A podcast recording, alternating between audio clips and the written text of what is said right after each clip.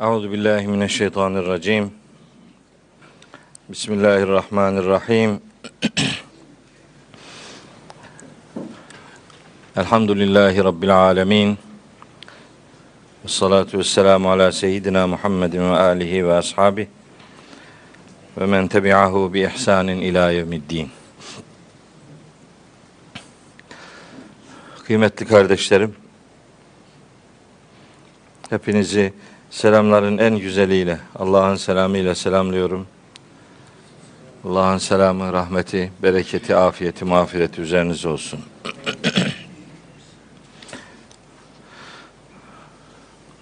Bugün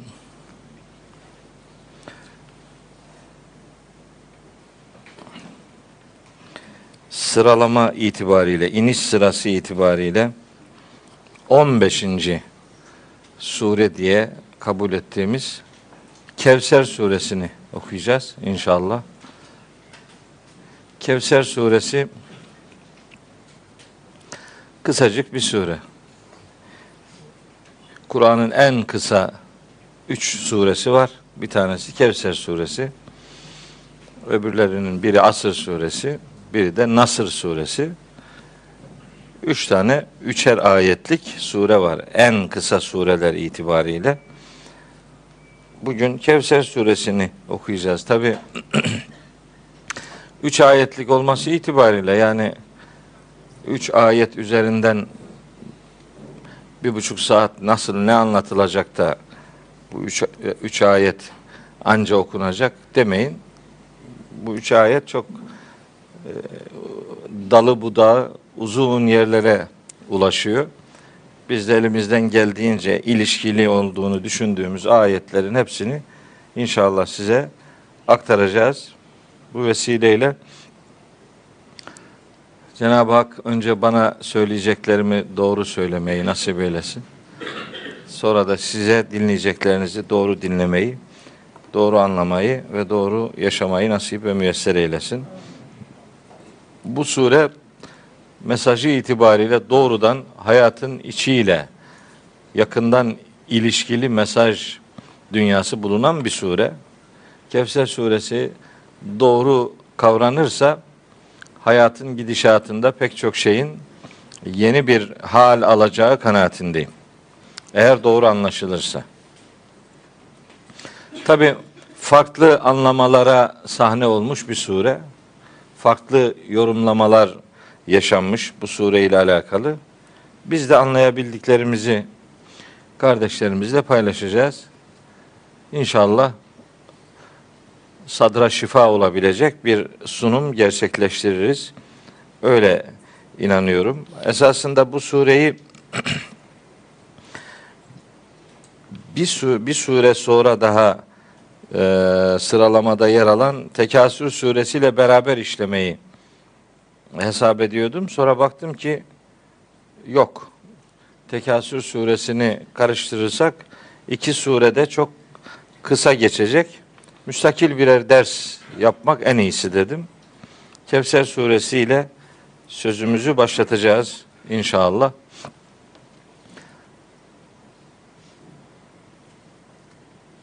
Biliyorsunuz Müslümanların hayatında dini pratikler anlamında bir takım ibadetlerimiz var. Bunlardan bir tanesi de kurban ibadeti. Kurban ibadeti dini hüküm olarak nedir, ne değildir? Kurban dini bir zorunluluk mudur, değil midir? Bir gelenek midir, sünnet midir, vacip midir, farz mıdır? İşte böyle milletin e, öyle ya da böyle hakkında bir malumat sahibi olması arzu edilen konulardan bir tanesi. Şimdi bir surenin verdiği manayı doğru kabul edebilmek, doğru anlayabilmek için o surenin nerede indirildiğini iyi bilmek lazım. Eğer surenin nerede indirildiği doğru bilinmezse o surenin verdiği mesaj noktasında bir takım yanlış anlamalar söz konusu olabilir. Ya da farklı yorumlar söz konusu olabilir. Ben bu surenin iniş yeri, iniş zamanı hakkında neler düşündüğümü söyleyeceğim. Tabi bu arada başkalarını da dinleyin. Başkalarının da neler dediğine bakın. Belki onların dediği doğrudur. Ama ben benim sözümü sizinle paylaşayım. Kabul ederseniz sizin de olsun. Ee, sarmazsa size bana iade edin, benim olsun. Ben kolayına fikrimi değiştirmem. Çünkü çok uğraşarak böyle bir fikre geldim. Epeyce mesai sarf ettim. Buna rağmen çok mukni bir e, sunum olursa, çok ikna edici bir e, bir şeyler birileri söylerse o sözlere de yüreğimi kapatmam. İkna edilirsem vazgeçebilirim. Farklı kanaatleri kendi kanaatim edinebilirim. Ama öyle çok ucuz sloganik sunumlara itibar etmem. Ee, bana biri bir şey söyleyecekse biraz güçlü söylemesi lazım. Slogan atarak, öyle tezahürat yaparak e, gürültülü seslere itibar etmem yani. Ben bir sunayım bakalım. Bakalım ne görünüyor. Ondan sonra sonrasını beraber bakarız inşallah. Surenin iniş sırası 15 diye verdik. Aslında ben bu surenin 15. sırada indirildiği kanaatini çok taşımıyorum.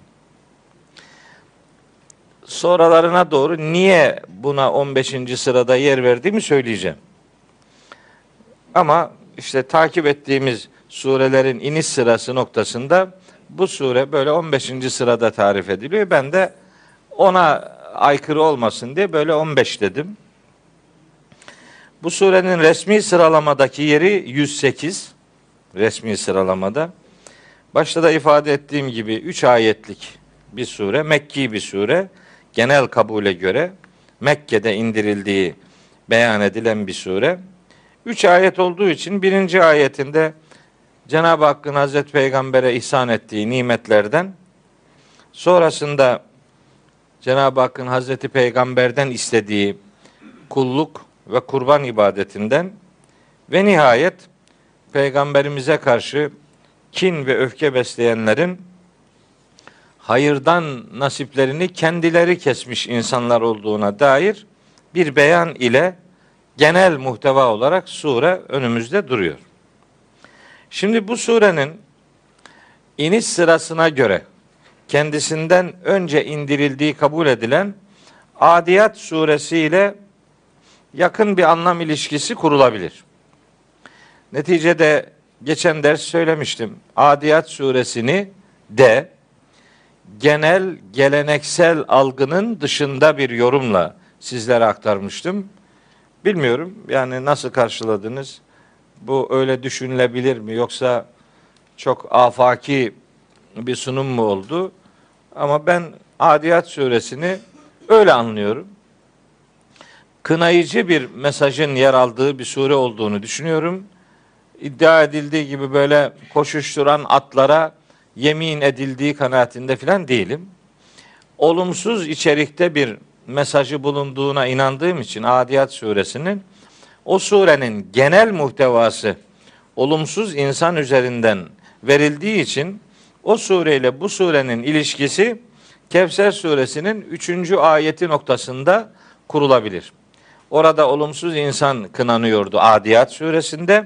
Burada da peygamberimize hınç ve öfke besleyenlerin epter oluşuna gönderme yapılıyordu ki bu da olumsuz bir insan göndermesi anlamında iki surenin birbiriyle anlam ilişkisini kurabilmemizi sağlamaktadır. Öyle bir e, mana ilişkisi kurabiliriz. Şimdi bu sureyi böyle bir ter- tercüme edeyim önce. Sonra detaylı bir şekilde sözümü söyleyeyim. Bizim namazlardaki en baba suremizdir bu yani. Yani bir nefeste hemen okuyor. Çabuk çabuk rükûa varıyoruz yani. İnna atayna kel kevser. Ha, ben bunu bazen ilahiyatta öğrencilere işte imtihanda soru sorarım. Derim ki işte Kevser suresini yazın diye. Yazar. İnna atayna İnna atayna'yı böyle adile yazar. Ondan sonra kel kevser der. Kelkevser diye bir kelime yok. Kelkevser ne yani? Yani inna atayna ke o ayrı. Atayna ke orası ayrı. El kevser ayrı. Bizimki kel kevser yazıyor yani. Kel kevser diye bir şey yok. Ee, yani metin mana birbirinden o kadar uzak gidiyor ki bizim hayatımızda.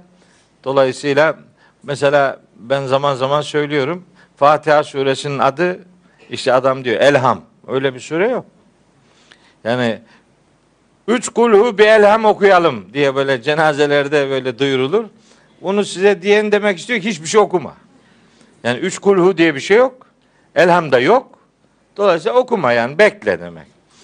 Elham dediği sure Fatiha suresi. Kulhu da demiyor. Kulfu diyor.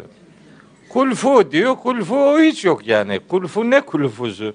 Onun da adı İhlas yani. Adı ne olsun surenin iyi bilmek lazım Allah aşkına yani.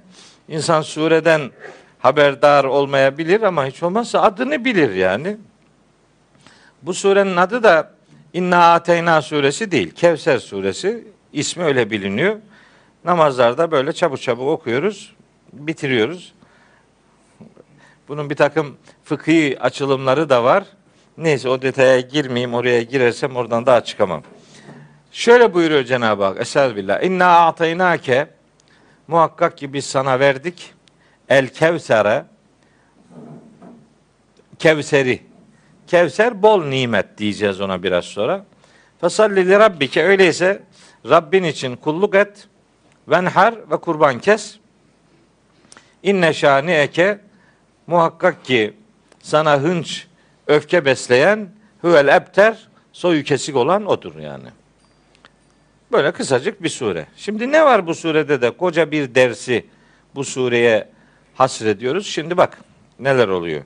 Biraz bu ders biraz teknik içerikli gidebilir. Yani bunlara ne gerek vardı demeyin.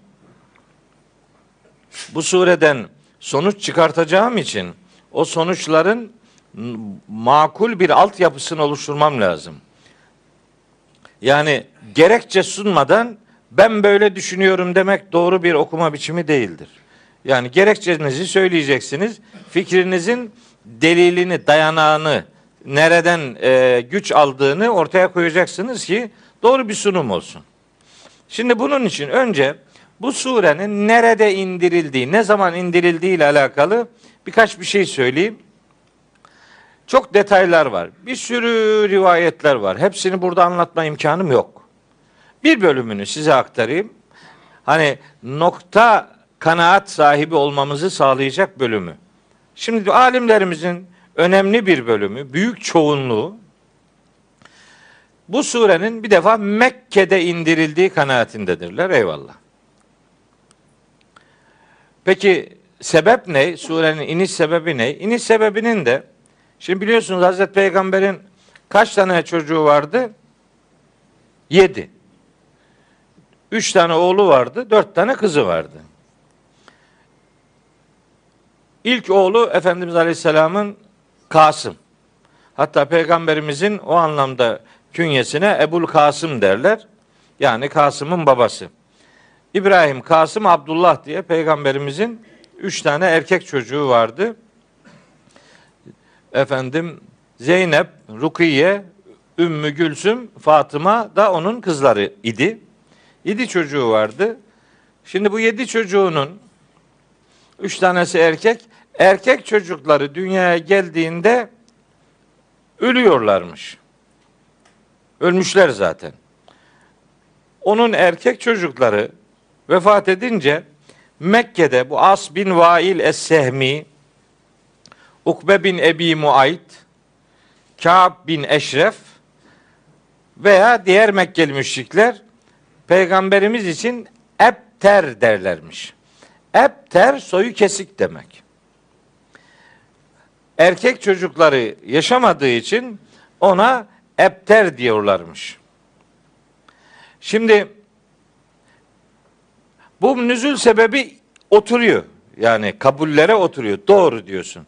Erkek çocukları öldüğü için peygamberimize ebter demişlerse Mekke'de bu surenin iniş sebebi onların bu sözü olabilir asıl ebterin onlar olduğu göndermesini içerdiği için.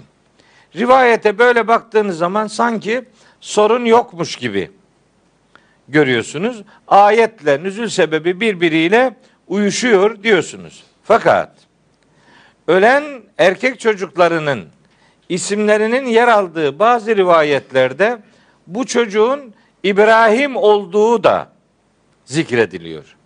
Eğer ölen erkek çocuk İbrahim ise o zaman olmadı. Bu Mekke'de inmiş olamaz. Çünkü peygamberimizin İbrahim adlı oğlu Medine'de dünyaya gelmişti. Şimdi işe İbrahim karışınca işin Mekke kısmı sıkıntıya giriyor. Mekke'de yoktu İbrahim çünkü. Medine'nin çocuğuydu. Peygamberimizin oğlu İbrahim. Bir. iki Peygamberimize Ebter diyen eğer As bin Vail ise tamam. Ukbe bin Ebi Muayt ise hadi o da tamam. Fakat eğer bu sözü söyleyen Ka'b bin Eşref ise olmadı. Ka'b bin Eşref Medineli bir adam. Medineli müşriklerden biri. Medineli müşrik eğer peygamberimize böyle bir şey diyorsa bu sure Medine suresi olmak zorunda. Mekke suresi olmaz. Öyle anlaşılıyor ki sadece nüzül sebebine dair rivayetlere bakmayla bu çözümlenemiyor. Çünkü bunun Mekke'de indirildiğini gösteren rivayet uzantıları olduğu gibi Medine'de indirildiğini gösteren boyutlar da var. Öyle olunca biz hadi genellikle böyle kabul edildi biz de öyle kabul edelim deyip geçiştiremiyoruz. Çünkü rivayetlerde farklı bilgiler var. Bizi Mekke'ye götürenler var. Medine'yi düşünmemizi gerektiren boyutları var meselenin. Şimdi bakın söyleyeceğim başka birkaç şey daha söyleyeceğim. Ee, sure standart olarak Mekki'dir demek çok herkesin bir anda kabul edebileceği bir görüş değil. Nitekim birkaç gerekçeye dayanarak bu surenin Medine suresi olduğunu kabul eden alimler de var. Nedir? Bir, İnna a'taynake el kevsera. Biz sana Kevser'i verdik.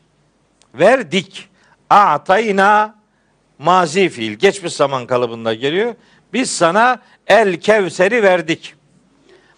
Acaba verdik ifadesi geçmiş zaman kalıbında olduğu için bu fiilen peygamberimize verilmiş bir takım nimetleri hatırlatıyor olabilir mi? Evet olabilir.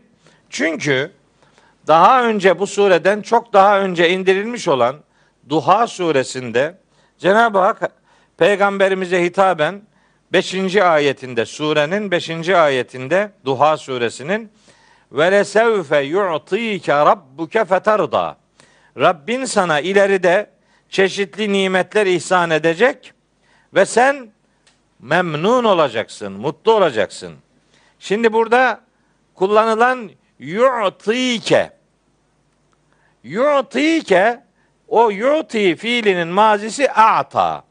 Yani buradaki fiil ile Duha suresi 5. ayetteki yu'ti fiili ile Kevser suresi 1. ayetteki a'tayna fiili aynı kökten gelir. Denebilir ki e, Kevser suresinde sözü edilen nimetin verilmesi işlemi Duha suresi 5. ayette haber verilen müjdelenen nimetlerin verilmiş olmasıdır.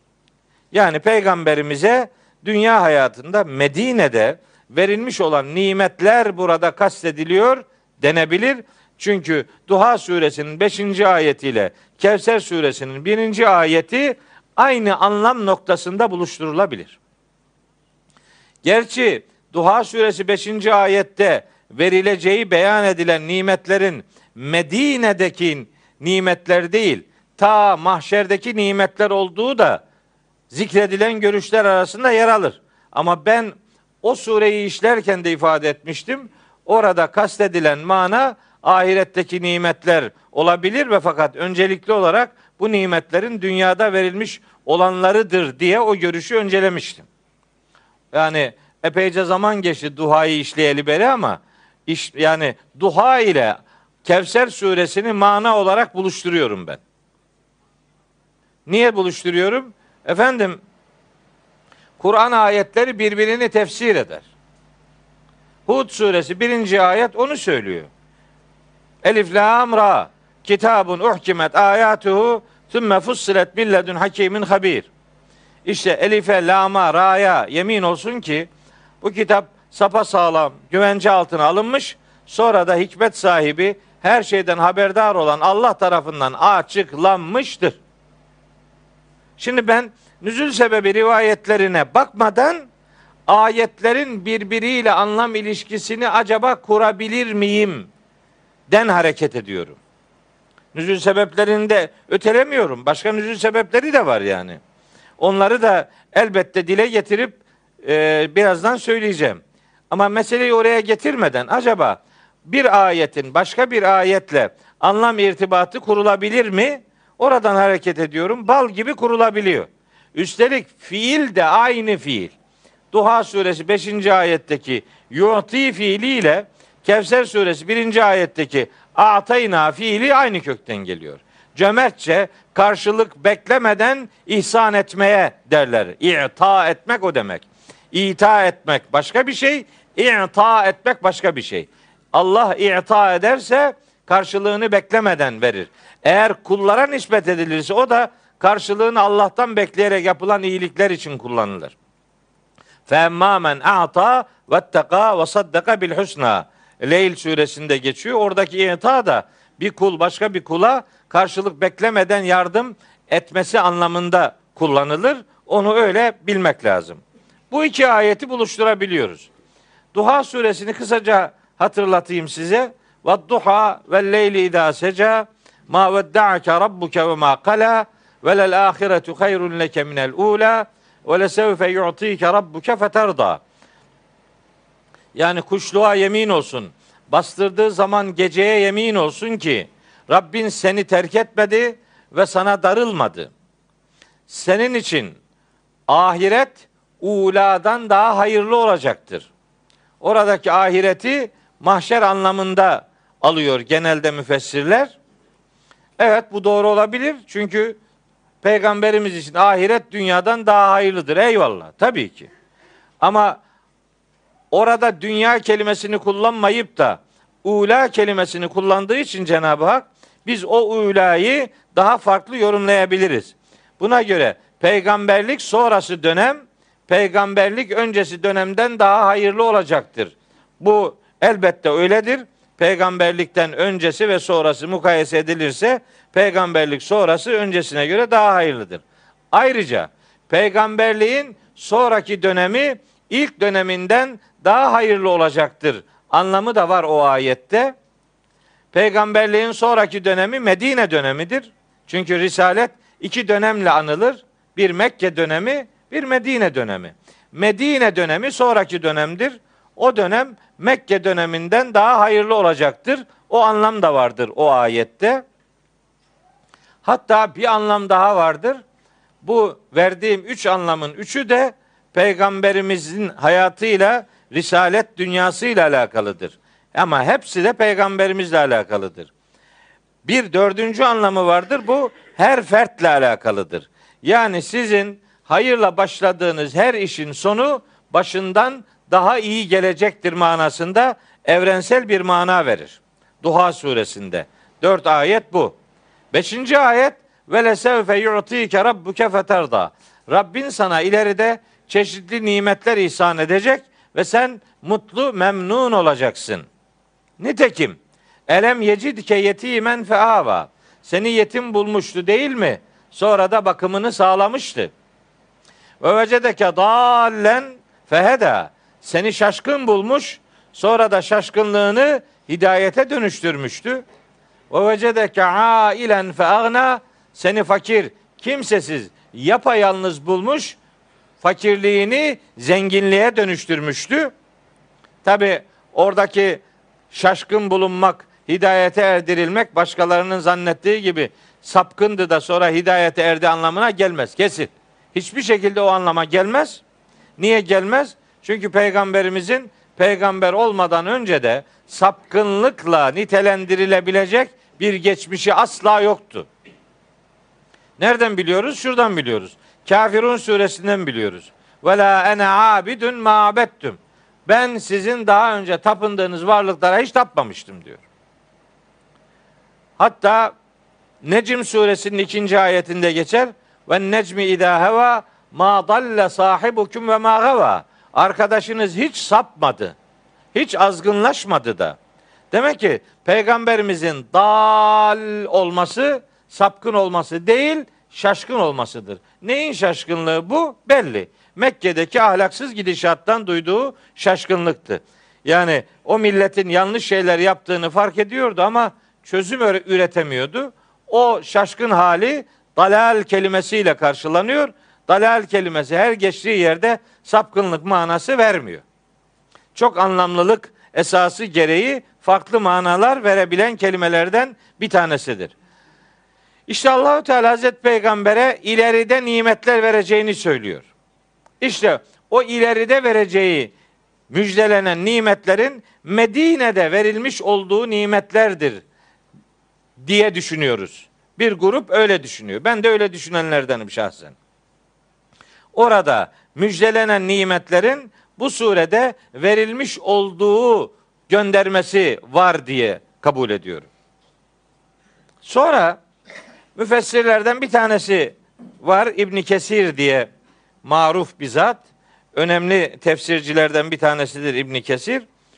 O diyor ki Enes bin Malik kaynaklı bir rivayette aralarında kendisinin de bulunduğu bir ortamda mescitte Hazreti Peygamber'in bir an böyle göğe doğru başını kaldırdığı sonra tebessüm ederek e, yüzünü aşağı indirdiği sebebi sorulunca da biraz önce bana bir sure indirildi dediği ve bu surenin de Kevser suresi olduğu ifade ediliyor.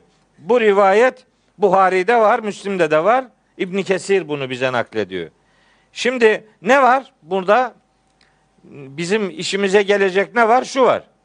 Enes bin Malik varsa bir rivayette Enes bin Malik Medineli bir Müslümandır. Medineli bir Müslüman eğer biz mescitteyken diyorsa Mekke'de mescit yok. Risalet e, Mekke döneminde bizim bildiğimiz manada mescit yok. Mescit Medine'nin konusudur. Öyleyse Medine'de indirilmiş olma ihtimali çok yüksektir bu surenin. Enes bin Malik rivayetin içerisinde varsa bu bir zorunluluk olarak bizi Medine dönemine götürüyor.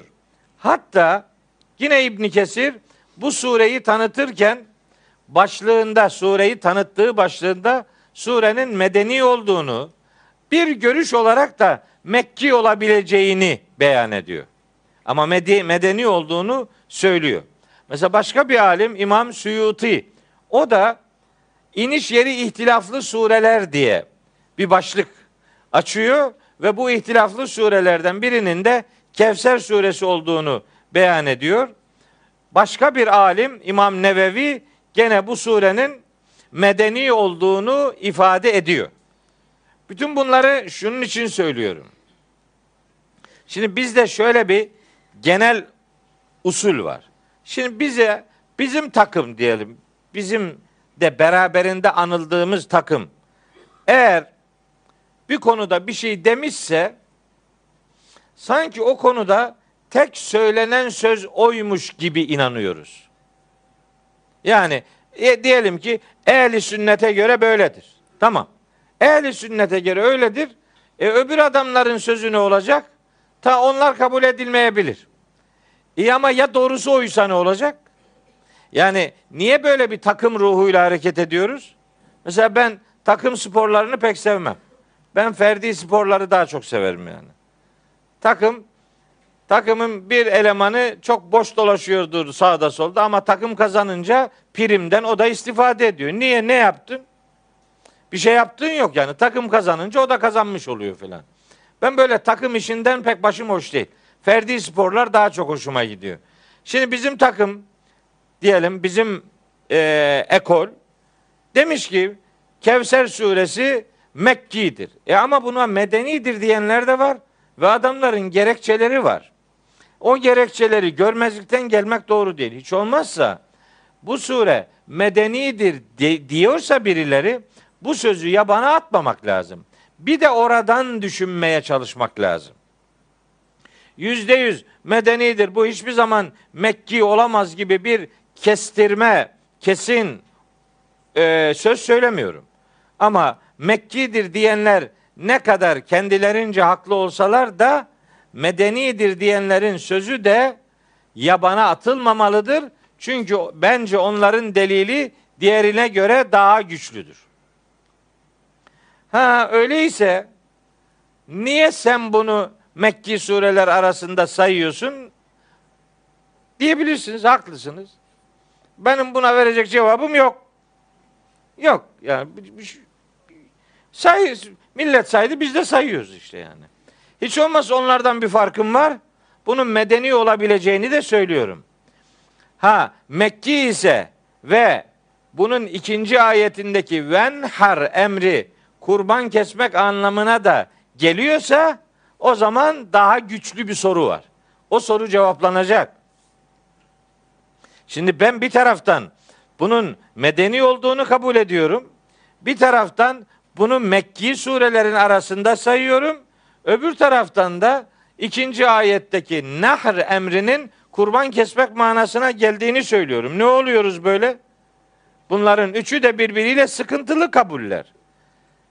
Ha, bunu bizim hoca diyorsa vardır bir bildiği. Öyle yok. Hocası hocası yok bu işin. E, ikna ederiz, ikna etmeye çalışırsın. İkna ederse bak Şeref böyle ters ters bakıyor. Hiç ikna olmadı. Eminim hiç ikna olmadı. Kafasında 50 tane pire dolaşıyor şu anda. Yani ne oluyoruz diyor. Evet ne oluyoruz? Bunların cevabını vermek lazım. Ama emin olun benim cevabım var yani. O kadar darma duman durumda değilim yani. yani cevabımı sizinle paylaşacağım inşallah. Şimdi sıradan ayete henüz başlamadım. Nüzül sebebi üzerinden muhtevayı buluşturmaya gayret ediyorum. Eğer bu sure medeni ise yani Medine döneminde indirdiyse ikinci ayetteki venhar emri de kurban kesmek manasına geliyorsa burada sorun yok. Emrullah'cığım geçmiş olsun. Emrullah kardeşimiz uzun bir süre e, bir rahatsızlık geçirdi. Elhamdülillah gene derslerde görüyoruz. Şükür olsun, hamdolsun. Allah bütün hastalarımıza şafi sıfatıyla tecelli buyursun inşallah. Ee, o derslere gelemedi ama dersleri bir hakkın takip ettiğini biliyorum. Dolayısıyla bir kesintisi olmamıştır. Allah hepimizi derslerimiz ile haşreylesin inşallah. Öbür alemin amel defterimizin şenlik hanelerine kaydeylesin inşallah. Şimdi eğer bu sure medeni ise ikinci ayetteki venhar emri kurban kesmek anlamına geliyorsa zaten sorun yok. Peygamberin Medine'de kurban kesmiştir bitti sorun yok yani. Ha yok eğer bu sure Mekki ise ikinci ayetteki venhar emri de kurban kesmek manasına geliyorsa o zaman sorun peygamberimiz bu emre rağmen kurban kesmediyse durum nasıl izah edilecek? Hem Allahu Teala ona kurban kes diye emretmiş olacak Mekke'de hem de o kurban kesmemiş olacak. Nasıl olacak bu iş? Bunun işte can alıcı soru bu. Bunun cevaplanması lazım. Ben dürüstçe bir kanaatimi söyleyeyim size. Dürüstçe, hiç gizlemeden yani. Hiç böyle yuvarlak konuşmadan, köşeli, bodoslama söyleyeyim. Ben kurban kesmenin sünnet olduğunu, vacip olduğunu söyleyenlere göre kurban kesmenin farz olduğuna inananlardan. Bak baştan söyleyeyim. Hiç. Ama hocam filanca da öyle diyor diyebilir. Diyorsa eğer hata yapıyorsa hesabını Allah'a verir. Ben kurban kesmenin farz olduğuna inananlardan. Farz yani. Bildiğimiz namaz kılmak nasıl farzsa kurban kesmek de öyle farz. Ben öyle inanıyorum. Dolayısıyla buradaki venhar kurban kesmek anlamına gelmeyebilirden hareket edip bu sure Mekki olabilir. Oradan durumu idare etmeye çalışmıyorum. Bak dürüstçe söylüyorum. Farz olduğuna inanıyorum. Ve sure eğer Mekke'de indirildi ise peygamberimizin bu farz noktasında nasıl davrandığını cevaplamak durumundayız. Evet buna da cevabım var. Bilmiyorum birileri ikna olur mu ama ben rahat rahatım yani. Evet bu sure Mekke'de indiyse ve venhar kelimesi de kurban kesmek manasına geliyorsa peygamberimizin durumu nasıl izah edilir? Şöyle izah edilir. Taha suresinin 114. ayeti var. Bu ayeti bir Müslüman Kur'an'ı anlama noktasında ıskalayamaz. O ayette diyor ki Allah Teala Allahul Melikül Hakku. İşte gerçek olan, hak, hakikat olan, mutlak otorite olan Allah yüceler yücesidir. Ve la ta'cel bil Kur'ani. Kur'an'la ilgili acele etme diyor peygamberimize. Neden önce min kabli en yukda ileyke vahyuhu onun vahyi sana tam anlamıyla aktarılıp bitirilmeden önce Kur'an'la alakalı acelecilik yapma. Vahyi, bir konudaki vahiy tamamlanmadan önce tamamlanmış gibi davranma diyor Allahu Teala. Bu ayet şeyde duruyor. Taha suresi 114. ayet. Peki kurbanla alakalı başka ne zaman ayet gelmiş olacak ki peygamberimiz onu bekliyor olsun? Evet, Hac suresinin 34 ila 38. ayetleri kurbanla alakalı detay bilgi veren ayetlerdir. Bu Hac suresinin ayetleri daha sonra geldi. Hatta bu ayetlerin Medine'de indirildiği rivayetleri de oldukça güçlüdür. Eğer Hac suresinin 34 ila 38. ayetler yani o 5 ayet Medine'de indirildiyse ki kanaatim odur. Hac suresinde yer alsa da sure genelde Mekki kabul edilse de belli ayetleri medenidir. Çünkü kurban Medine'nin ibadetidir. Detayları Medine'de şekillenmiştir. Peygamberimiz önceden bilgilendirilmiştir kurban noktasında ama meselenin detayı daha sonra Medine'de geleceği için o neden Mekke'de kurban kesmedi sorusu sorulamaz. Niye? Henüz bitmedi, hüküm bitmedi yani. Detayı gelmedi. Detayı gelmeden, hüküm tam şekillendirilmeden bu o hükmü neden uygulamadı denemez yani. Taha suresi 114. ayet önümüzde duruyor. O ayet peygamberimize kurbanla alakalı bir görevin verildiğini beyan eder ama detayının ortaya konulduğu zaman kurban kesme eylemi o zaman devreye girer. Mekke'de haberi verilmiş, Medine'de uygulamaya konulmuş olabilir. Benim cevabım bu. Öbür türlü e, başka taraflardan hareket edip de işi kurtarmaya gayret etmiyorum. Doğrudan sığındığım nokta bu. Onun için bu sureyi Mekki sureler arasında saymanın bir mahsuru yok yani. Onun için 15. sırada zikrediyorum ben bu sureyi. Yazmakta olduğum Envarul Kur'an tefsirinde de sıralamada 15. sure olarak koydum. Ama kalkar biri derse ki hayır kardeşim bu sure Medine suresidir. Bu Mekki sure değildir. Bunu da böyle hemen yok yanlış söylüyor bu da hiçbir şekilde doğru olamaz diye paylamak doğru değil. Onların da kendilerine göre gerekçeleri vardır. O gerekçeleri görmezlikten gelmeyelim. Benim sureyi Mekki sureler arasında saymamın sebebi işte budur.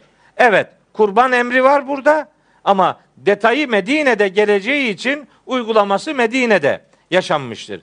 Mesela buna benzer başka örneklerimiz de var bizim yani. Mesela zekatla alakalı ayetlerin Mekke'de olanı vardır. Ama kurumsal zekat Medine'nin konusudur. İnfakla alakalı Mekki surelerde bilgi vardır ama infakın detayı Medine surelerinde bilinir. Bu kurban da öyle kabul edilebilir. Haberi Mekke'de verilmiştir, uygulaması Medine'de yaşanmıştır.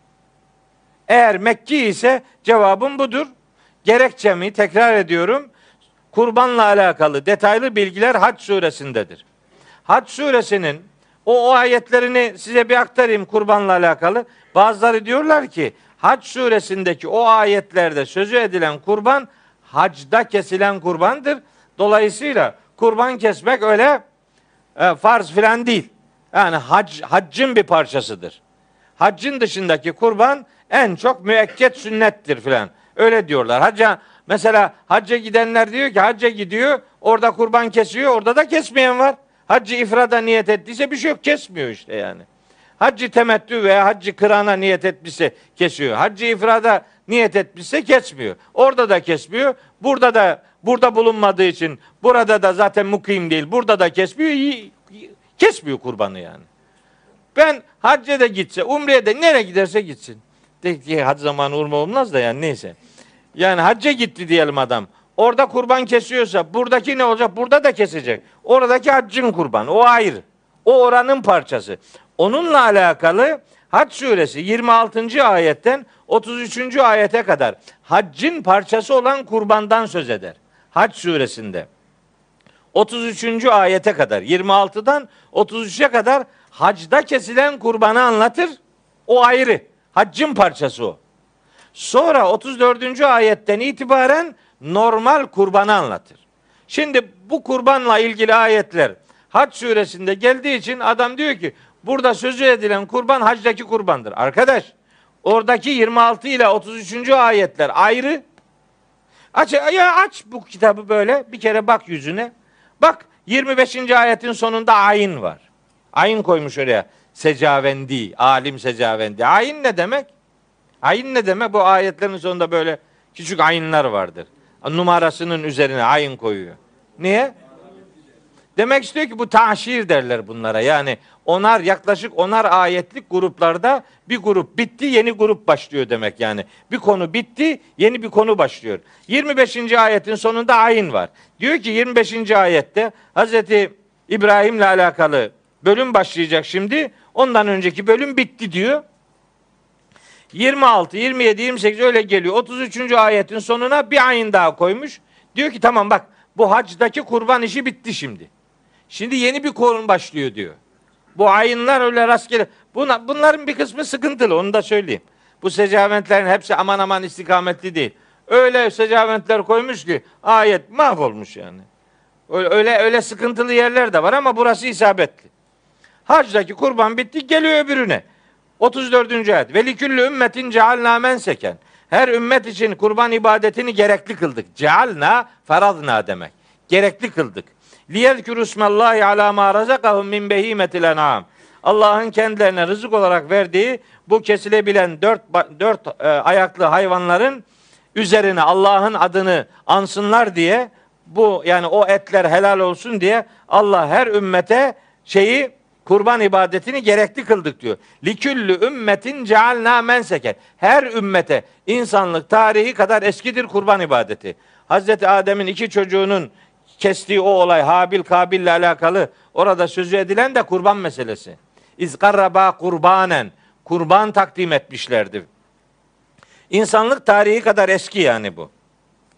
Fe ilahukum ilahun vahidun. İlahınız tek ilahtır. Felehu eslimu ona sadece ona teslimiyet gösterin. Ve beşeril muhbitin böyle gönülden bağlananları Allah Allah'a gönülden bağlananlara müjdeler ver ki ellezine izâ zükirallahu vecilet kulubuhum. Allah zikredildiği zaman onların kalpleri titrer, ürperir. Ve sabirin ala ma asabahum. Bu adamlar kendilerine isabet eden sıkıntılara sabrederler. Vel mukimis salati namazı kılarlar ve mimma razaknahum yunfikun kendilerine rızık olarak verdiğimiz şeylerden dağıtırlar. Bütün ümmetlerde böyle hani. Namaz bütün ümmetlerde var. İnfak bütün ümmetlerde var. Kurban bütün ümmetlerde var. Buna sünnet diyor ya sünnetse bu Hazreti Peygamberle başlamış olacak. Kurban Hazreti Peygamberle başlamış olabilir mi yani? Bir hükmün sünnet olabilmesi peygamberimizle başlaması manasına geliyor aynı zamanda. Bu öyle bir şey olamaz. Bu, bu insanlık tarihi kadar eski bir geçmişten geliyor. Devam ediyor. Vel budne. Büyük baş hayvanlar var ya. Cealnaha leküm min şairillahi. Bunları sizin için Allah'ın sembollerinden kıldık. Şairullah diye bir şey var. Şairullah Allah'ın sembolleri. Şairullah bazen bazı semboller hükümlerden bile önde ge- gelebilirler yani. Bazen semboller var. Şimdi tabii tek başına iş sadece kurban olsaydı benim şimdi size başka ayetleri de anlatırdım ama bir tane bir tane hatırlatayım. Maide suresi 2. ayet. Ya eyyühellezine amenu la tuhillu şairallahi ve leşşehrel harame ve lel hediye ve lel kalaide. Ey iman edenler Allah'ın sembollerini sakın, sakın ha hafife almayın. O haram ayı hafife almayın. Velel hediye kurbanlık hayvanları hafife almayın. Velel kalaide kurbanlık hayvanların boyunlarına takılan o süsleri hafife almayın. Kurbanlık hayvanı da onun boynuna takılan süsleri de hafife almayın. Onları onlarla böyle yani e, onları küçük düşürecek, onları ciddiye almayan bir tutumunuz olmasın diyor. Yani kurban çok ciddi bir ibadet. Kurban Allah'a yakınlaşmanın bir göstergesi olarak sunulan bir dini pratik. Öyle olunca bunu herhangi bir sünnet hükmüne indirgemek doğru değil. İmam-ı Azam'ın vacip demesi de farz farz gibi anlamına geliyor. Yani kelimenin kendi anlamında ufak bir e, e, başka bir ihtimal söz konusu olduğu için vacip diyor ama vacip neticede gerekli olan şey demektir yani. Vacip yapmasan da olur türünden bir şey değil. Vacip ciddi bir eylemdir, ciddi bir yükümlülüktür. Ben öyle kabul ediyorum. Ve o hacda kesilen kurbanın detayıyla normal zamanlarda kesilen kurbanın detayının farklı olduğunu da biliyorum ben bu hac suresinde. Mesela hacda kesilen hayvanların etleriyle alakalı buyuruyor ki fekülü minha o kesilen hayvanların etlerinden yiyin siz ve at'imul ba'isel fakire fakir ve isteyenlere de yedirin. Hem siz yiyin hem fakirlere ondan yedirin. Bu hacda kesilen kurbanın diyelim ki dağıtımı ile alakalı iki husus dikkate sunuluyor.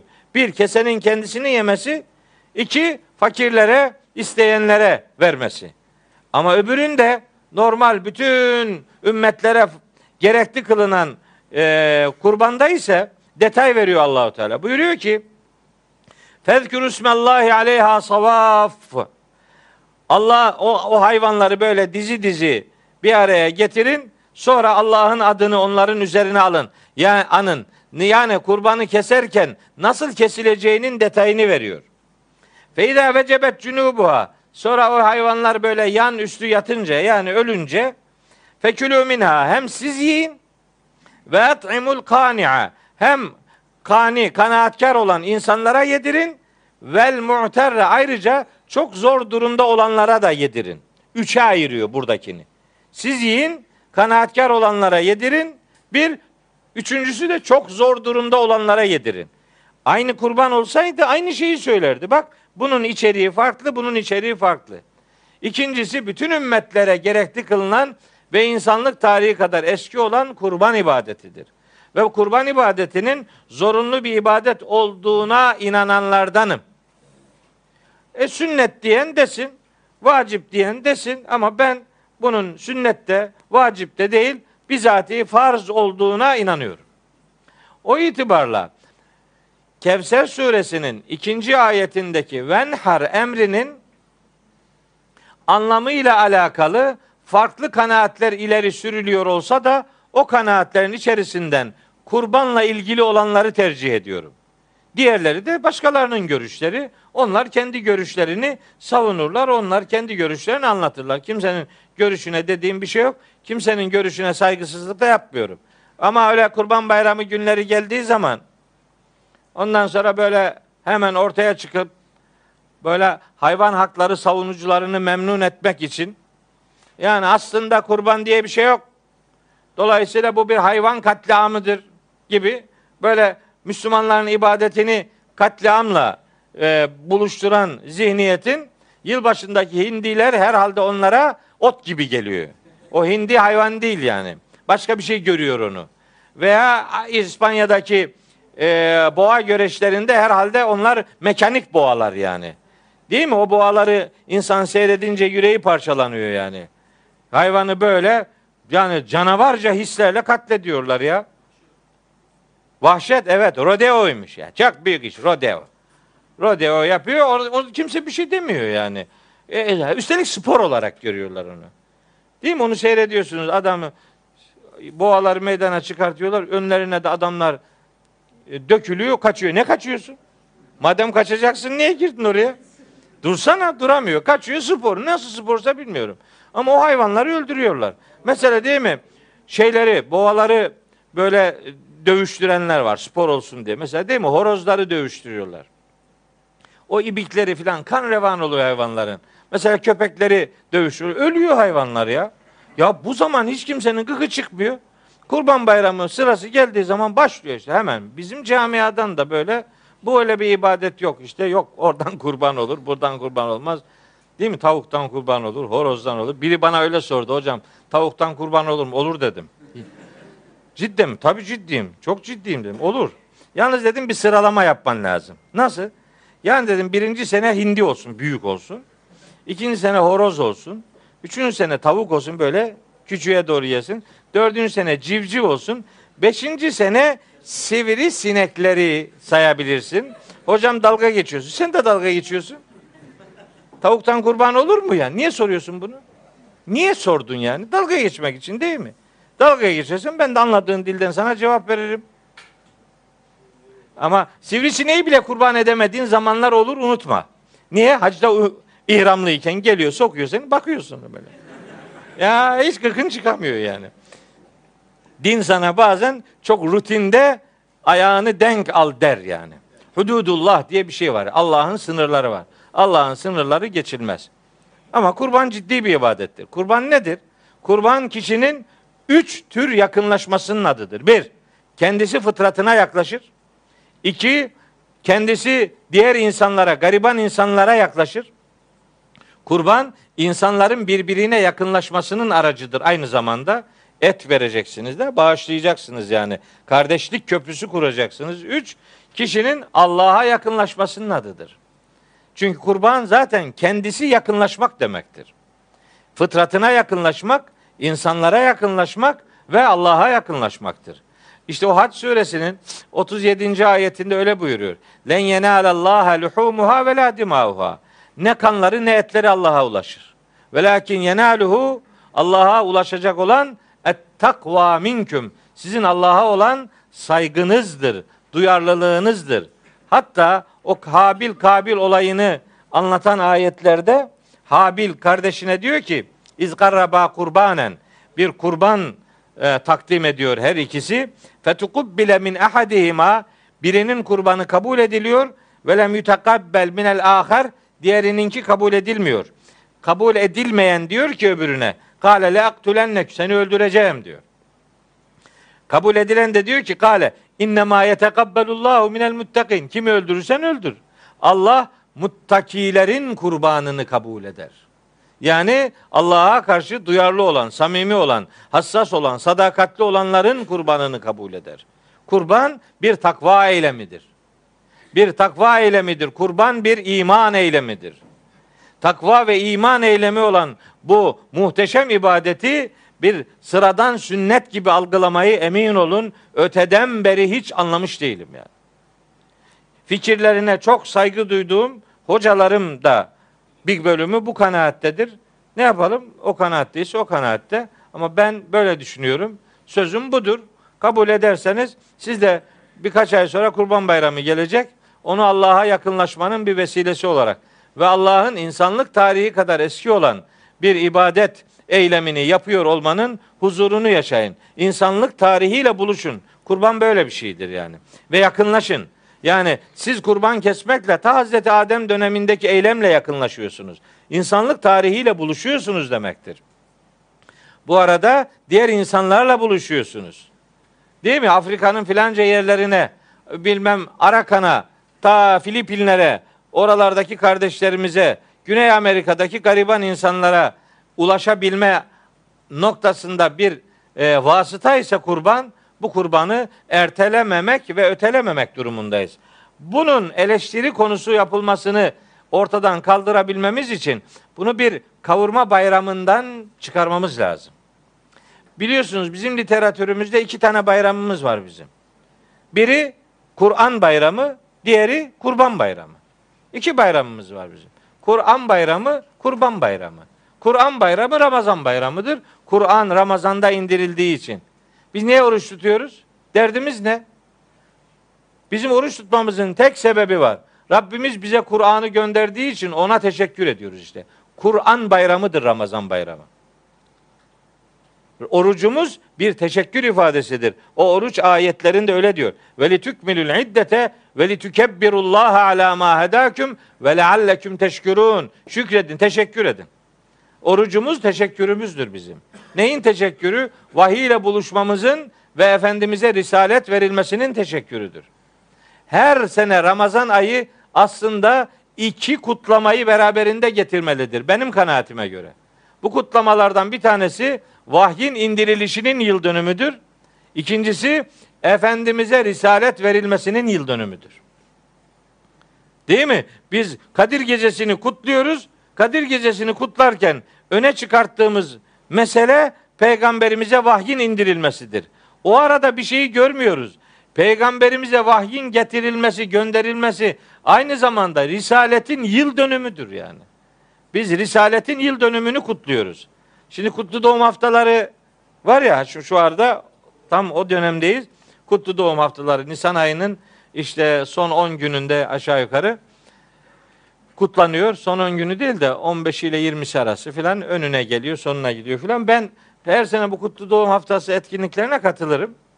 Bir, bir kısmı da bana kızıyor yani. Ne işin var böyle işlerde filan? Ne demek ne işin var ya? Peygamberimizi anlatıyorum. Ya zor ayıp mı yani? Peygamberimizi konuşmanın ne sakıncası var yani? Ben katılırım her sene ama her gittiğim yerde de diyorum.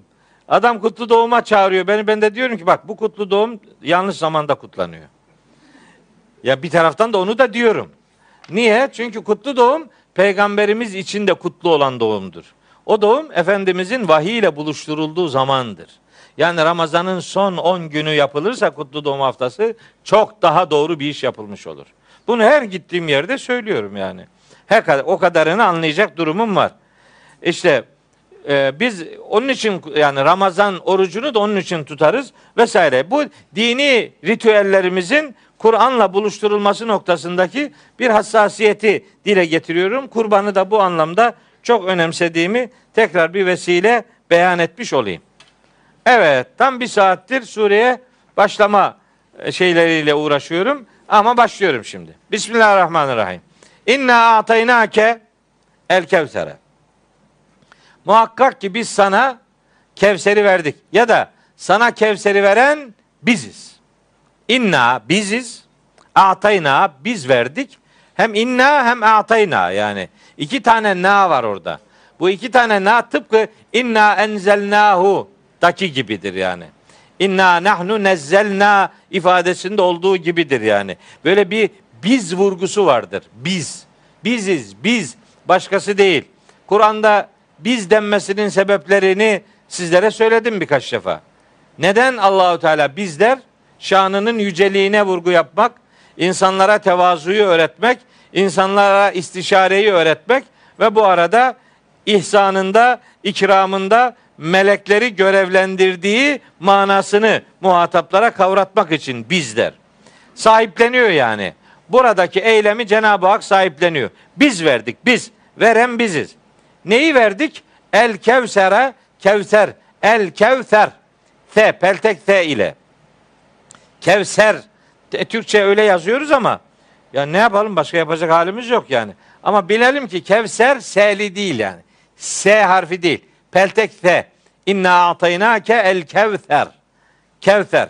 Kevser nedir? Bolluk, çokluk, bereket gibi anlamlara geliyor. El kevser kelimesi. Şimdi başında el takısı olduğu için bu bilinen bir bolluk olması lazım. Bilinen yani kendisine daha önce bir gönderme yapılmış olan bir bolluk olması lazım. Kendisine daha önce nerede bir gönderme yapıldı? Duha, Duha, Duha suresinin 5. ayetinde. Orada verileceği söylenen nimetlerin burada verilmiş olduğu ifadesinin yer aldığı kanaatindeyim. Hazreti Peygamber'e verilen vahiy, bilgi, hikmet, iyilik hem bu dünyada hem öbür alemdeki şerefli, onurlu, olmak, iyi fiiller işlemek, bütün canlı varlıklara karşı şefkatli davranmak, böylece iç huzuruna ve tatmine kavuşmak gibi soyut ve somut anlamda iyi ve güzel olan her şey burada kastediliyor olabilir. Birazdan Kevser'le Medine'nin bir ilişkisini kuracağım. Ne demek istediğim biraz daha orada detaylı bir şekilde ortaya çıkmış olacak. Bu kelimenin kendisinden kaynaklanan manadır.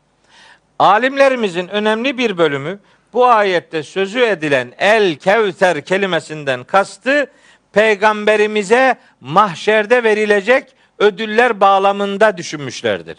Demişlerdir ki buradaki el kevser Nebi Aleyhisselam'a cennette verileceği belirtilen ve mahiyeti hakkında çeşitli fikirlerin ileri sürüldüğü bir nehir, havuz. Kevser nehri, Kevser havuzu. Öyle genelde öyle e, yorumlanıyor alimlerimiz tarafından. Bir sürü görüş var. İmam Taberi'nin tefsirinden onları e, gidip bulabilirsiniz. Yani ben hepsini burada söyleme imkanına sahip değilim.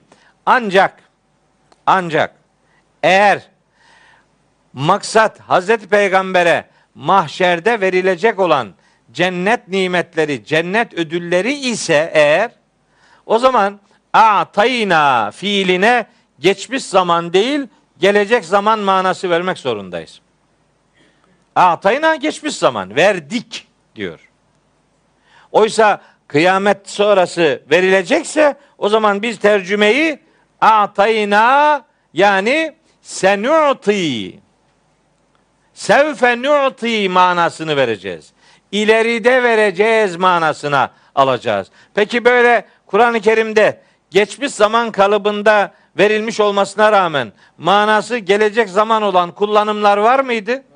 Vardı. Mesela ne vardı? Mesela son saatle ilgili bilgiler. Mesela cennetin hazırlanmasıyla ilgili bilgiler. Mesela sura üflenmesiyle, mesela sorgulanma ile ilgili, mesela cennete veya cehenneme sevk değil mi? Ve sikallezine keferu ila cehenneme zümera. Grup grup kafirler cehenneme sevk edildiler diyor. Edildi. Sika sevk edildi demek. Ve nüfika fis suri. Sur borusuna üflendi. Üflendi mi? Yok. Üflenecek yani.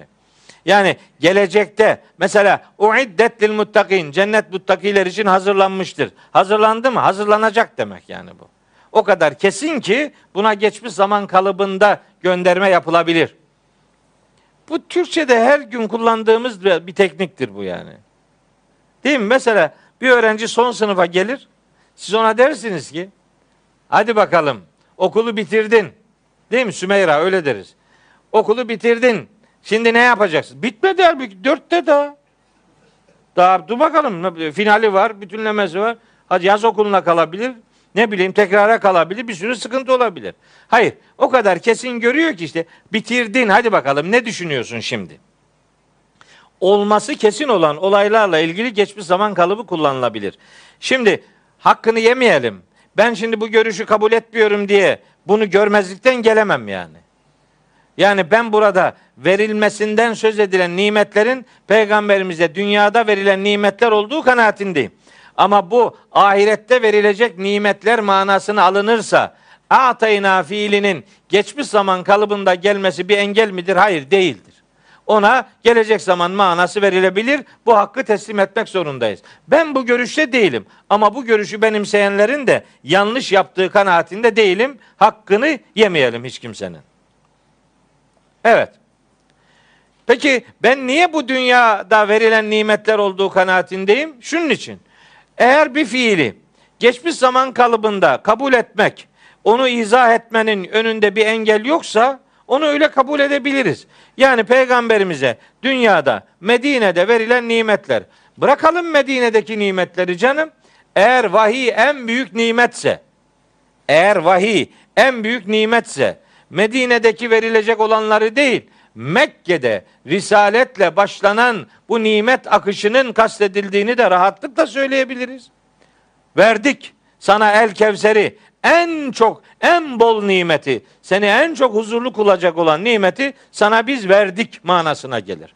Ya da Medine'de kastediliyorsa Medine'de verilecek olan nimetler söz konusu ediliyor. Eğer sure Mekki'dir diye bir takıntımız varsa. Yok sure medeni ise zaten bunların hiçbirine gerek yok. Verilen nimetler hatırlatılıyor demektir. Duha suresi Duha suresi 5. ayetle bu e, bu noktada ilgi kurduğumu unutmak unutmamak durumundayız. Evet. Peki bu Kevser'le Medine'nin ilişkisini neden ısrarla kuruyorum ben? Niye? Zorum ne? Şimdi bir takım bir şeyler yazdım.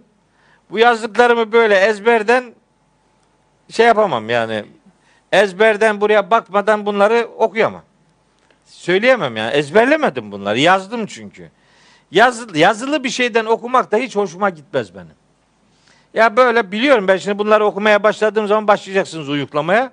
Böyle gözü ağır ağır aşağı yukarı gidip geleni görünce benim uykum geliyor. Dolayısıyla siz uyursanız bir şey olmaz da ben uyursam yandık yani. Benim uyumamam için bunları böyle yüzüne okumayacağım. Ama yazdım bunları böyle kalem kalem. Neden Medine Kevser ilişkisini kuruyorum? Çünkü Medine İslam'ın devletleştiği yerdir. Çünkü Medine dinin hayata aktığı yerdir. Çünkü Medine İslam medeniyetinin üretildiği yerdir. Çünkü Medine insan haklarının dibe vurmuş olduğu Mekke'den zirve yaptığı yeni yerleşimin adıdır Medine. Mekke demek insan hakkının sıfır olduğu yer demektir. Medine ise bunun tavan yaptığı yer demektir.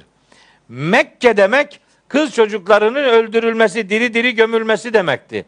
Medine kadına şahsiyetinin verildiği yer demektir. Kız çocuklarının ölümden kurtarıldığı yer demektir. Medine kadının mal, eşya gibi alınıp satıldığı dönemin bittiği yer demektir. Medine kadının dişiliğinin değil kişiliğinin öne çıkartıldığı yer demektir. Medine kadının mal değil şahsiyet olduğunun ortaya konulduğu yer demektir. Medine tefeciliğin artık yer almayacağı bir yeni yurt demektir. Medine Müslümanların ulusal ve uluslararası ilişkiler düzeyinde bir ağır devlet pozisyonunu aldığı yer demektir. Medine başka insanların Hazreti Peygamber'in hakemliğine, şahitliğine sığınma ihtiyacı hissettiği yer demektir. Medine nihayetinde kulluğun farkına varıldığı ve insan onuruna yaraşacak her türlü güzelliğin yaşandığı, üretildiği, benimsendiği, gösterildiği yer demektir. Onun için Medine'de verilen nimetlerle El Kevser kelimesini buluşturmuş olmamız böyle afaki bir bakış değildir. Hem vahyin verilmiş olması en büyük nimettir ama beri tarafta dünyevi manada devletleşti Müslümanlar. Artık hukukları var. Artık anayasası var. Artık sözleşmeler yapıyor. Artık anlaşmalar imzalanıyor. Artık insanlar hürriyetin tadını çıkarıyorlar. Artık yeni bir öğretinin insanlığa sunulmuş olmasının efendim numune-i imtisalini ortaya koyuyorlar. Yani rol model bir topluluk meydana getiriliyor.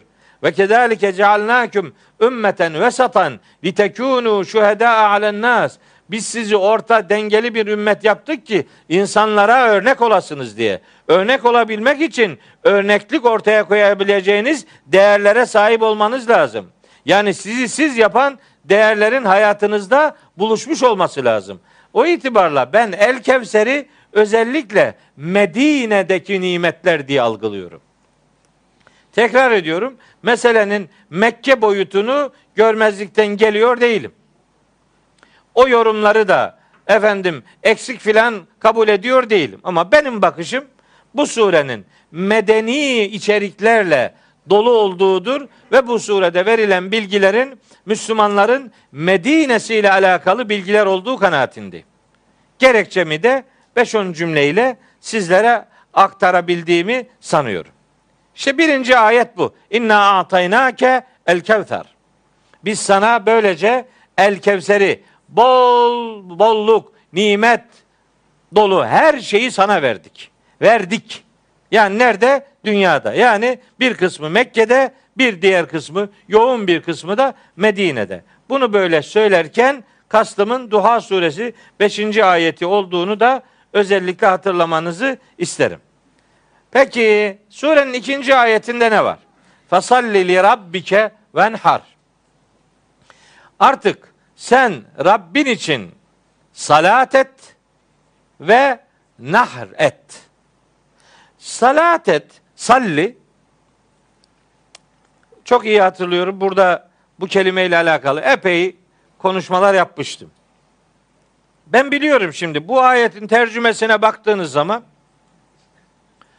yani yani diyebilirim ki istisnası ya yoktur ya çok azdır. Fesallili rabbike Rabbin için namaz kıl. Tercümesi vardır. Yani elinizde meal varsa bakabilirsiniz. Benim elimde meal yok. Ama öyledir yani. Fasallili rabbike. Halbuki salat kelimesi namaz manasına gelecekse eğer bu kelimenin ekame yukimu ikame kökünden bir kelimeyle kullanılması lazım. Eğer o kelimeler yoksa salat kelimesi tek başına namaz manası vermez. Namazı da içerir ama özel olarak namaz manası vermez. Fesalli li rabbike. Sen salatını Rabbine tahsis et. Yani buradaki salat kulluk görevini demektir.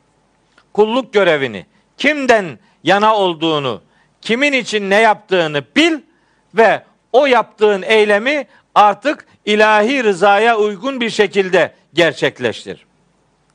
Çünkü Mekkeliler kıldıkları namazları, kestikleri kurbanları bazı Allah'ın dışında başka varlıklara tahsis ederlermiş. Onların bu tahsislerinin, yanlış tahsislerinin düzeltilmesi için bu ayetin Mekke'deki yanlış gidişata bir müdahale manası verdiği kabul edilir. Ancak bu ayetin Hudeybiye Antlaşması'nın yapıldığı gün indirildiği rivayetleri de var. E Hudeybiye Antlaşması'nın yapıldığı gün eğer bu ayet indiyse ne oluyor bu sure? Buna hala Mekki denir mi yani? E medeni oluyor. Bakın bir sürü argüman var. Meselenin medeni boyutunu düşünmemizi gerektirecek. Ama ben size söyleyeyim. Eğer bu sure yüzde yüz Mekki'dir diye biri kabul etmişse mesela bu rivayete uydurmadır diyebiliyor rahat rahat. Ben hiç uydurmadır demiyorum. Ben uydurma demiyorum. Öyle bakmış öyle görüyor eyvallah ama ben öyle görmüyorum. Peki sallili rabbike'ye ne demiş eski alimlerimiz? Demişler ki bunlar namaz manasına gelebilir. Zaten beklediğimiz manadır bu. Hatta venhar var ya fasalli li şimdi namaz kıl. Rabbin için namaz kıl manası verenler venhar emrine de işte sağ eli sol elin üzerine koymak anlamına gelir diyenler var. Bu elleri böyle boğaza kadar çıkarmak manasına geliyor diyenler var. Venhar'ın yani namazda diyelim ki iftitah tekbirinin şeklini düzenleyen bir mana boyutu devreye sokuluyor. E bu doğru mudur? Bilmem doğru mudur yani. Ona fazla bir şey demem ben ama ben meseleyi fasalli li rabbikeyi doğrudan namaz diye anlamadığım için venharı da namazın parçalarından biri olarak anlamıyorum ben. Fasalli li rabbike içinde namazın da bulunduğu bütün tevhid içerikli eylemler olarak algılıyorum. Fesalli li rabbike. Rabbin için salatın olsun. Salat demek birinden yana olmak, birine yaslanmak, birine destek olmak demektir. Bu, bu haliyle tevhid içerikli her bir eylem salat kavramının içerisinde yer alır. Elbette bunun içerisinde namaz da vardır. Ancak özel manada namazın kastedildiğini söyleyebilmemiz için bu kullanımların önünde bir yerinde ekim salateke gibi bir şey olması lazım. Ekame fiilinin orada bir yerde bir, bir versiyonu da bulunması lazım. Bana göre işte salat tevhid içerikli her bir eylem anlamına gelir. Venhar de boğazlamak demektir. Eyyam-ı nehir derler. Kurban bayramı günlerine eyyam-ı nehir derler. Eyyam-ı nehir ne demek? İşte hayvan kesilen günler demektir. Mesela intihar demek, intihar. intihar evenhar nehara aynı kökten geliyor yani. İntihar. İntihar denince vahyin indirildiği dönemlerde akla ne gelir? Bir kişinin kendini boğazından asması gelir de intihar etmek o demek yani. Şimdilerde de intiharın önemli bir çeşidi böyle gerçekleşiyor. Dolayısıyla venhar emrini yani boğazlamak anlamında, hayvan kesmek anlamında tercih etmenin çok daha doğru olduğu kanaatindeyim ben. Tekrar ediyorum. Başka bazı alimlerimiz venhar emrini normalde kurban kesmek değil, namazın e, e, parçalarından mesela iftitah tekbiriyle veya elleri bağlamayla ilişkilendiriyorlar.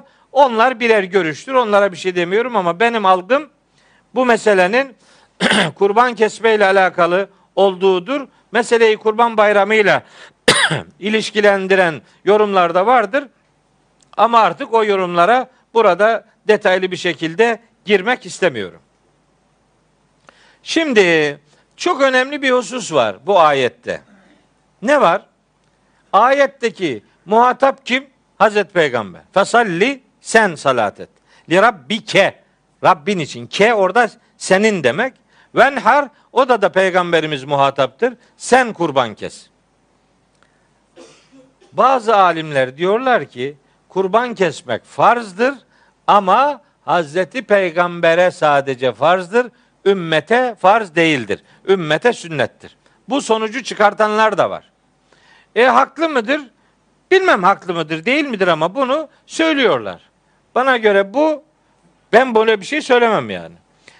Bir emir, bir yükümlülük, bir dini pratik eğer özel olarak sadece Hazreti Peygamber'e yönelik ise onun ona ait bir eylem olduğunu gösteren bir delile ihtiyacımız vardır.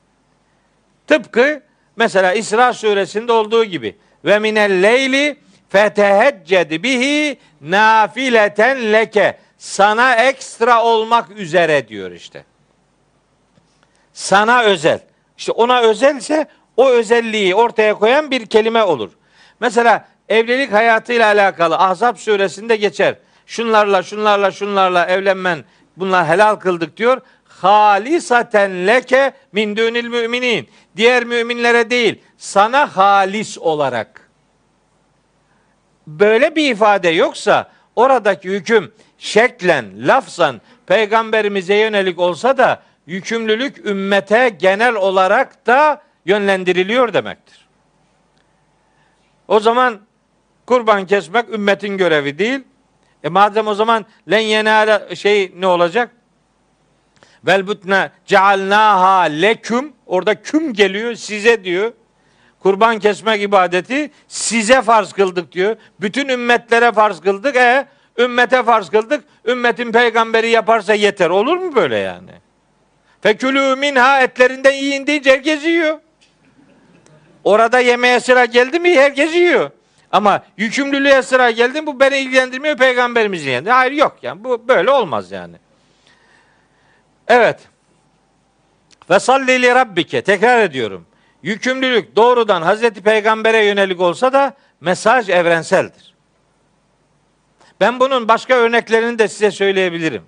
Mesela gece Kur'an okumaya kalkmayla alakalı. O ayetleri de aynen böyle yorumluyorlar. Ya eyyuhel müzzemmilu. Ey risalet ve vahiy ile buluşan peygamber. Kumil leyle illa kalila. Az bir bölümü hariç geceleyin kalk. Diyor ki bu peygamberimize ait idi. Bu yükümlülük peygamberimizin yükümlülüğü. Ona yönelikti. Tamam. Bu diyelim Müzzemmil suresi ikinci ayet. Üçüncü ayet, dördüncü ayet. Tamam. Devam et. Devam et biraz daha oku. Gel 20. ayete bakalım ne görüyorsun? Adam diyor ki ben hafız değilim bana ne 20. ayetten.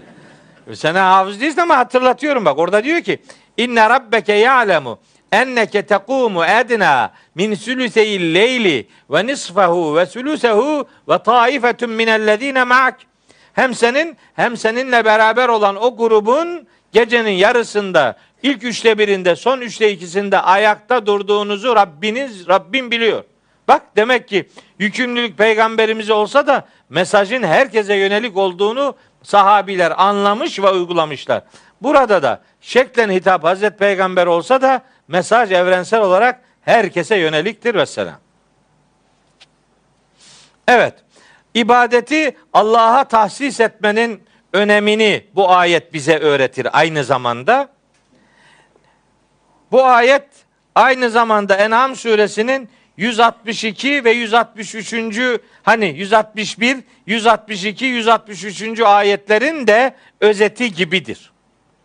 Orada ne diyor?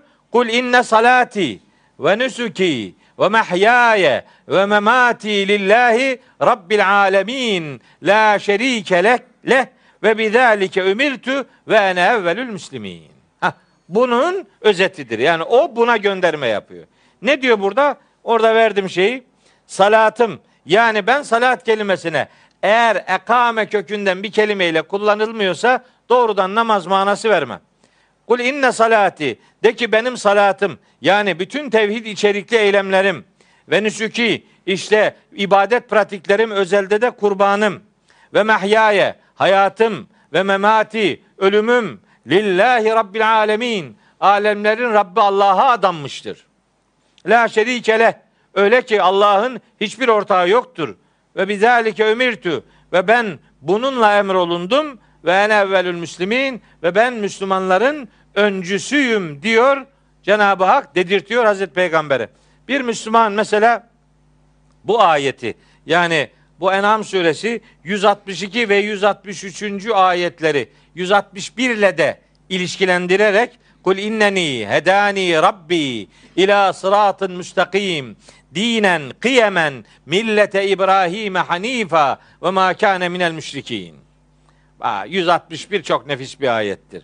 De ki Rabbim bana hidayet eden odur. Sırat-ı müstakime beni yönlendiren odur. Öyle ki en güçlü din, en mukavim din olarak sırat-ı müstakime yani İslam'a yani Kur'an'a beni hidayet eden Allah'tır. Öyle ki bu din aynı zamanda Allah'ı birleyiciler olarak İbrahim'in milletinden olmayı da beraberinde getirir. Zaten İbrahim hiçbir zaman müşriklerden olmamıştı. İşte bu tevhid çizgisi içerisinde de ki benim salatım, benim kurbanım, benim hayatım, benim ölümüm alemlerin Rabbi Allah'a adanmıştır. Onun hiçbir ortağı yoktur. Böyle davranmak, böyle iman etmekle emrolundum ve ben Müslümanların öncüsü olmak durumundayım diye bir sözleşmedir, bir antlaşmadır yani. Bu ayetler işte bu üç ayetin kısaltılmışı fasalli li rabbike venherde görülebilir. Ben bu ayetleri okuyunca o ayetleri hatırlarım. Sizin de hatırlamanızı bir kardeşiniz olarak isterim. Ve sonrasında üçüncü ayet. İnne şani eke huvel ebteru. İnne şani eke. Muhakkak ki sana hınç, kin besleyen, şenaat ortaya koyan, sana kötü duygular besleyenler var ya, huvel ebteru. Asıl ebter olan işte onlardır. Yani asıl soyu kesik olanlar işte onlardır. Bu soyu kesiklikten kasıt bedensel ve fiziksel anlamda bir soy kesikliği olmak zorunda değil. Niye? Peygamberimize o gün soyu kesik diyenlerin soyu devam etmiş yani. Kesilmemiş. Öyleyse bu epter oluşu biyolojik ve fizyolojik bir işlemden ibaret saymamak lazım. Aslında epter demek hayırdan nasibini almayan namert adam demektir. İnne şaniyeke sana hınç besleyen her kimse ister o gün Mekke'de, ister o gün Medine'de, ister bugün dünya üzerinde kim olursa olsun Hazreti Peygamber'e hınç ve öfke besleyenler asıl hayırdan nasibini almayan adamlardır. Bu adamlar ta son saate kadar var olacaklardır ve onların ahirette de varlığı elbette söz konusu olacaktır. Birer cehennem kütüğü olarak orada anılacaklardır. Bu ayeti böyle bedensel bir soyu kesiklik diye e, tefsir edersek ya da tek mana budur dersek adam kalkar işte o hakareti yapan peygamberimize epter diyen adamların çocuklarının hatta torunlarının da yaşamakta olduğunu size söyler. Böylece sözünüz havada kalır. Böyle bir açıklık ortaya koymamak lazım. Bunu bedensel veya fiziksel olarak soyu kesik e, anlamında algılamayı sadece yeterli görmemek, daha çok e, manevi, mecazi anlamlarda düşünmek lazım. El Kevser kelimesine eğer manevi iyilikler, manevi nimetler manası verirseniz Ebter'i de o anlamda manevi mahrumiyetler olarak algılama imkanımız olur. Efendimiz Aleyhisselatü Vesselam'ın bir hadis-i şerifi var. Besmele ile başlamayan işin sonu ebterdir diye bir hadis-i şerifi var. Tam metnini aslında bir yaklaşık metin biliyorum. Hata yapmama adına metnini okumuyorum. Ee, besmele ile başlamayan işin sonu ebterdir. Yani bu ne demek işte? Bunu bereketsizdir yani. O sevap olarak, ödül olarak sahibine gerisin geri dönmeyecektir manasını verir. Biz meseleyi fiziksel bir e, ilişkiden ibaret görmediğimizi bu vesileyle ortaya koyuyoruz. Ben acizane bu surenin Hazreti Peygamber'i motive eden bir sure olduğuna inanıyorum.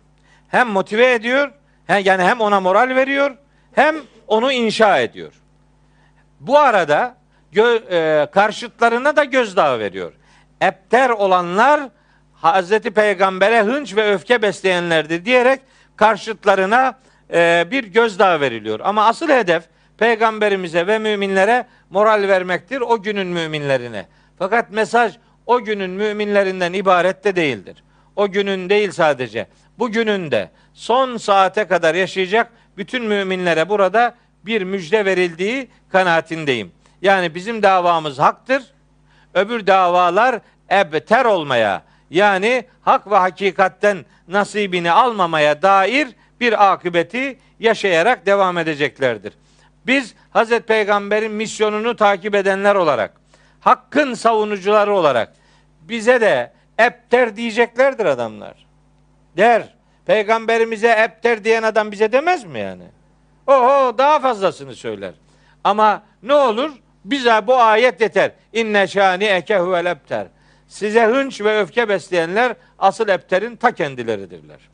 Dolayısıyla bazı söylemlerimizden dolayı başımıza bir takım sıkıntılar geliyorsa, bir takım yüreğimizi burkan olaylarla yüzleşiyor olsak da bizim can simidimiz olan ayetler vardır. İşte o ayetlerden bir tanesi de Kevser suresinin son ayetidir. Ben canım sıkıldığında bu ayeti hatırlarım. Peygamberimize yapılanın kaçta kaçıdır bize yapılan çok da dert değildir. O gün Hazreti Peygamber'e bu fedaka, fenalıkları yapanların o günün ateistleri olmadığını hatırınızdan çıkarmamanızı isterim. O gün Hazreti Peygamberle uğraşanlar o günün en dindarlarıydılar. Hazreti Peygamberi geleneksel dini bozmakla suçluyorlardı. Bugün bize bir şey söylüyorlarsa bu aa nereden çıktı ya tüh hiç de beklemiyordum. Ne beklemiyordun işte her zaman böyle oluyordu. Gene öyle olacak yani. Ama ebter olanlar onlardır. Çünkü bizim davamız besmele ile başlamış, vahiy ile başlamış, Kur'an'la başlamış, Kur'an'la yürüyen bir davadır. Ben bu davanın mahşere kadar sahiplenicilerini aziz ve izzetli kılacağına yüreğimden inanıyorum. Çünkü ilahi irade o davayı sahiplenenleri asla yalnızlığa terk etmemiştir. Ma vedda'ake rabbuke ve ma kala ayetinin hepimizi her an ilgilendirdiği kanaatindeyim. Siz Rabbinize arkanızı dönmediğiniz sürece Rabbiniz size darılmaz ve sizi terk etmez.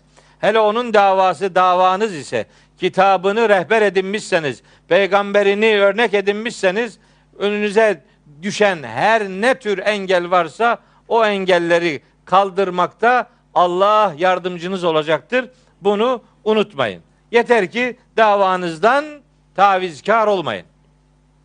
Yani adam diyor ki şimdiki şimdilik söyleme bunları. Bu ara bunları söyleme diyor.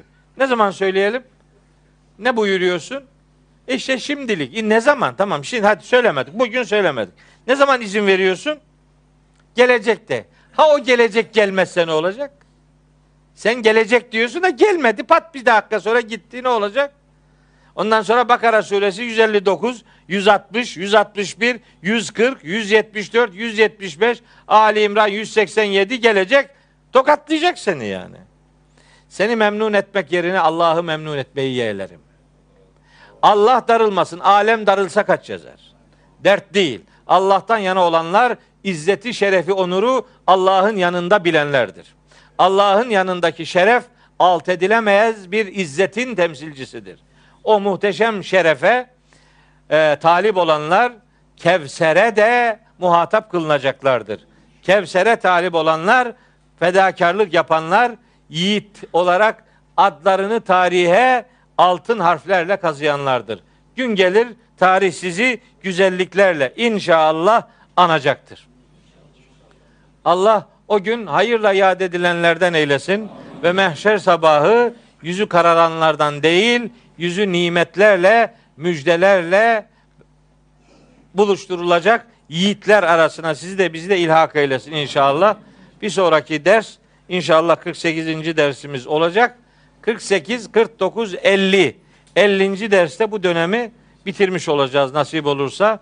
Ee, bu, bu, bu sonraki derse kadar ve ömrünüz boyunca Rabbim hepinizin hepimizin yar ve yardımcısı olsun. Allah'a emanet olun.